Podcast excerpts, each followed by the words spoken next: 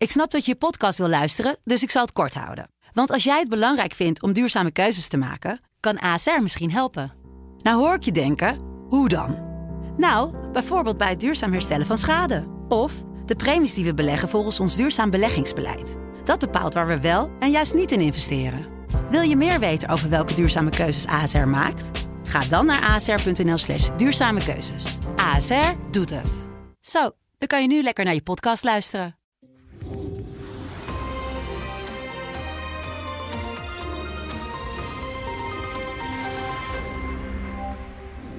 Welkom bij het gesprek met Paul Jansen, de hoofdredacteur van de Telegraaf, waarmee we elke week doornemen wat hem bezighoudt in het nieuws. Paul, ja, het kan bijna niet anders dan dat de bestorming van het kapitaal uh, heel hard op jouw harde schijf is terechtgekomen. Nou. Hoe heb je in, in eerste instantie naar die beelden gekeken?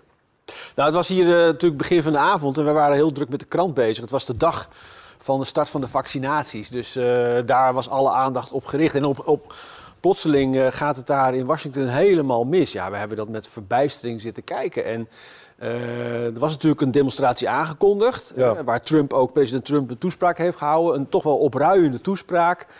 Ja, en, en wat er daarna gebeurde, ja, je, je houdt het niet voor mogelijk in een land als Amerika. En het is toch uiteindelijk wel vooral ook de onttakeling van het presidentschap geweest uh, voor Trump. Ja, laten we even kijken hoe die uiteindelijk na het ja, toch oproepen van zijn troepen, ja. hoe die vervolgens in een speech ja, prima. dat veroordeelde.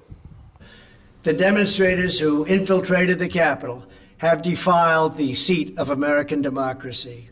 To those who engaged in the acts of violence and destruction, you do not represent our country. And to those who broke the law, you will pay. We have just been through an intense election and emotions are high. But now tempers must be cooled and calm restored. Ja, dat noemen wij een U-bocht. Ja, mosterd naar de maaltijd. ja. 30 uur nadat het is gebeurd, hè? pas 30 uur. Hij had natuurlijk ja. eerder al een boodschap afgegeven, uh, maar die was toch van een andere toon uh, dan wat hij hier zegt.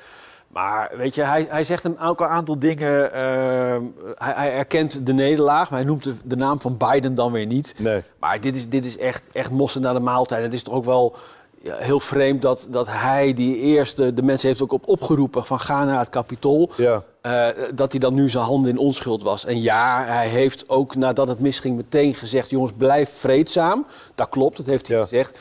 Maar je kan, je kan er niet doen uh, zo van: ik heb hier niks mee te maken. Nee, als er, als er een beetje een, een soort van rode draad in zijn hele presidentschap. is natuurlijk dat hij altijd, dat heeft hij in het begin al gedaan met die inauguratie. altijd een alternatieve werkelijkheid heeft gecreëerd. Hè? Ja. En, uh, maar als je dan die, die, die, die interviews zag met die mensen in het kapitaal, een paar verslaggevers waren binnen. die zeggen van: het is van ons gestolen. Mm. Die zitten zo hard in, dat, in, dat, in, dat, in die alternatieve werkelijkheid. Want het is nog steeds niet bewezen, feitelijk, de, die, die verkiezingsfraude. Uh, is, het is een man die eigenlijk niet zo heel goed weet wat hij wat hij kan, wat, wat hij kan aanrichten, Trump, op een of andere reden. Daarmee. Ja, ik, ik weet het niet. Of hij is gewoon een slecht verliezer. Ja. Kijk, uh, er was heel veel, heel veel ruis rond die, rond die verkiezingen. Er was ja. ook veel onduidelijkheid over hoe gaat het nou, dat, dat, dat uh, briefstemmen en, en uh, met die handtekeningen. En er zijn natuurlijk bij eerdere verkiezingen ook een hoop uh, ja. toestanden over geweest.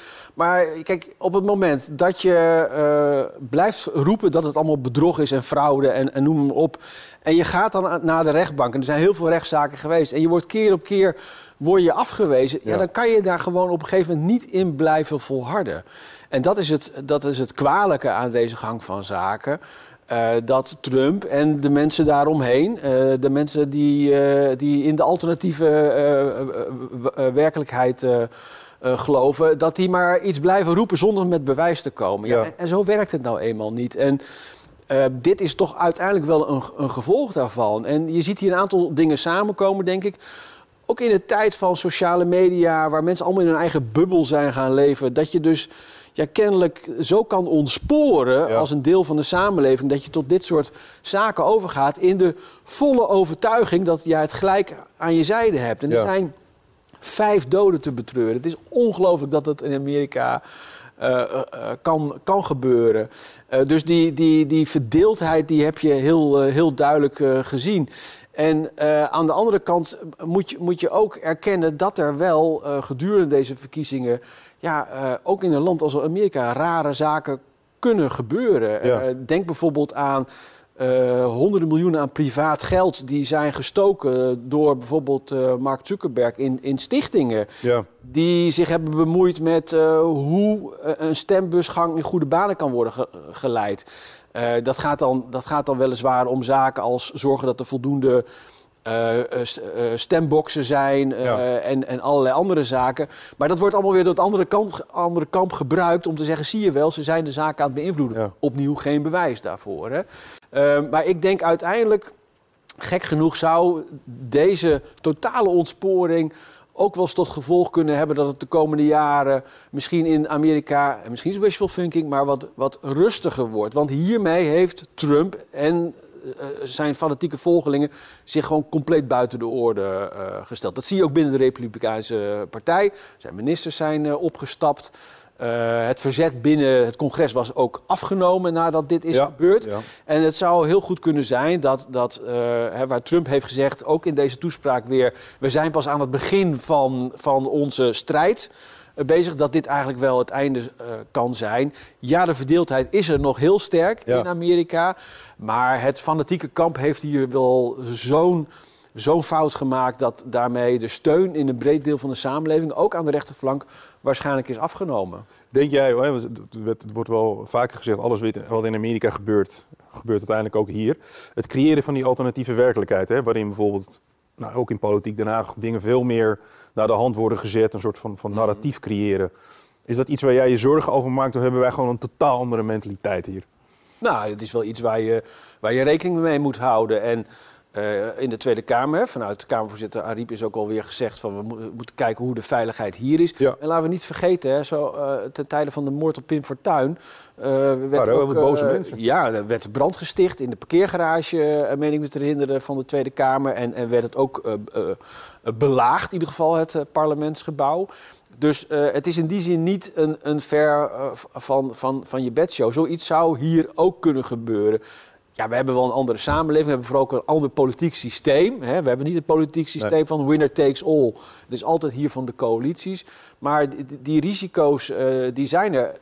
In Amerika trouwens zullen we uh, uh, nog veel van Trump gaan horen, denk ik. Dat, dat wel na het einde van zijn presidentschap. Maar ik denk dat dat vooral vanuit de rechtszalen zal zijn. Er wachten hem allerlei rechtszaken van... van uh, sexual assault uh, tot uh, rekeningen die niet zijn betaald. Ja, belastingen. belastingellende. En het is natuurlijk ook interessant om nog te kijken in de komende twee weken wat hij nog gaat doen. Er wordt gesproken over dat hij alsnog geïmpeached, dat hij alsnog afgezet zou moeten ja. worden. Nou, dat is procedureel nog best wel een ingewikkelde zaak. Dat ga je waarschijnlijk in twee weken niet redden. Er wordt ook gekeken of hij misschien zichzelf en zijn entourage uh, een pardon zal geven. Uh, en, en, Hij gaat in ieder geval de grenzen oprekken van waar dat, die, die regel ooit voor bedoeld is. Ja, en het aardige is, er wordt nu heel erg ook uh, in Amerikaanse media gesuggereerd... dat er eigenlijk wel meer mensen uit zijn regering zouden en uit zijn omgeving... ook van het Witte Huis zouden willen opstappen. Maar dat die is verzocht om aan te blijven om te voorkomen dat Trump in die laatste twee weken... nog hele gekke wilde dingen gaat doen. Hey, tot slot, hè. jij als hoofdredacteur van toch de grootste krant van Nederland... een heel groot nieuwsplatform... Jij denkt nu, wat gaat hij nou vragen? Uh, we merken heel erg dat die, die, die, die polarisatie, die verhardt ook heel erg op social media. -hmm. als, je, als je A zegt, dan ben je onderdeel van de mainstream media. En als je B zegt, dan ben je weer te extreem. Wat, wat, wat is nou jouw, ja, hoe, hoe kijk jij nou als nieuwsorganisatie van hoe moeten wij daar nou als nieuwsorganisatie in de toekomst mee om blijven gaan? Nou, wij zullen. Kijk, de Telegraaf is altijd de krant geweest die neemt geen blad voor de mond. En, en dat, dat hebben we altijd zo gedaan en dat zullen we blijven doen. Wij laten ons niet door de omstandigheden in één keer dat we zeggen, nou, uh, we gaan, uh, we gaan de, de, de, toonmatig. Wij zullen altijd zeggen waar het op staat. Alleen vergeet niet in, in en dat heeft mij ook wel eens verrast, in deze tijd worden door de, de mensen, zeg maar, die het hebben over mainstream media en over fake news en over de, de gevestigde orde, die zien eigenlijk helemaal niet zo'n verschil tussen Telegraaf, Volkskrant, NRC, tussen de traditionele media, hè, waar ja. wij uh, en ik met mijn collega hoofdredacteuren altijd heel graag de verschillen uitventen en zeggen uh, wat wel en niet aan deugt, zijn we voor die groep mensen allemaal de gevestigde orde, ja. allemaal de mainstream media. Dus als je het hebt over, over uh, het, het erbij halen van die groep mensen, ga je, ga je daar sowieso het verschil niet maken. Maar ik denk dat het, dat het belangrijk is in deze tijd wel meer dan, dan anders, dat je juist wel blijft zeggen zoals de zaken zijn. En dat je niet verhullend taalgebruik of politiek correct taalgebruik uh, gaat toepassen, maar dat je gewoon heel helder en direct het nieuws brengt zoals het is. En daar met je columnisten en de, de analisten ook een hele, hele duidelijke uh, uh, ja, uitleg opgeeft over, over complexe nieuwsgebeurtenissen. Juist vanuit alle ruis die vanuit Hallehoek komt. En wat dat betreft is de, de, de nieuwswaarde en het belang van een krant van de Telegraaf alleen maar groter geworden. Dankjewel. Graag gedaan.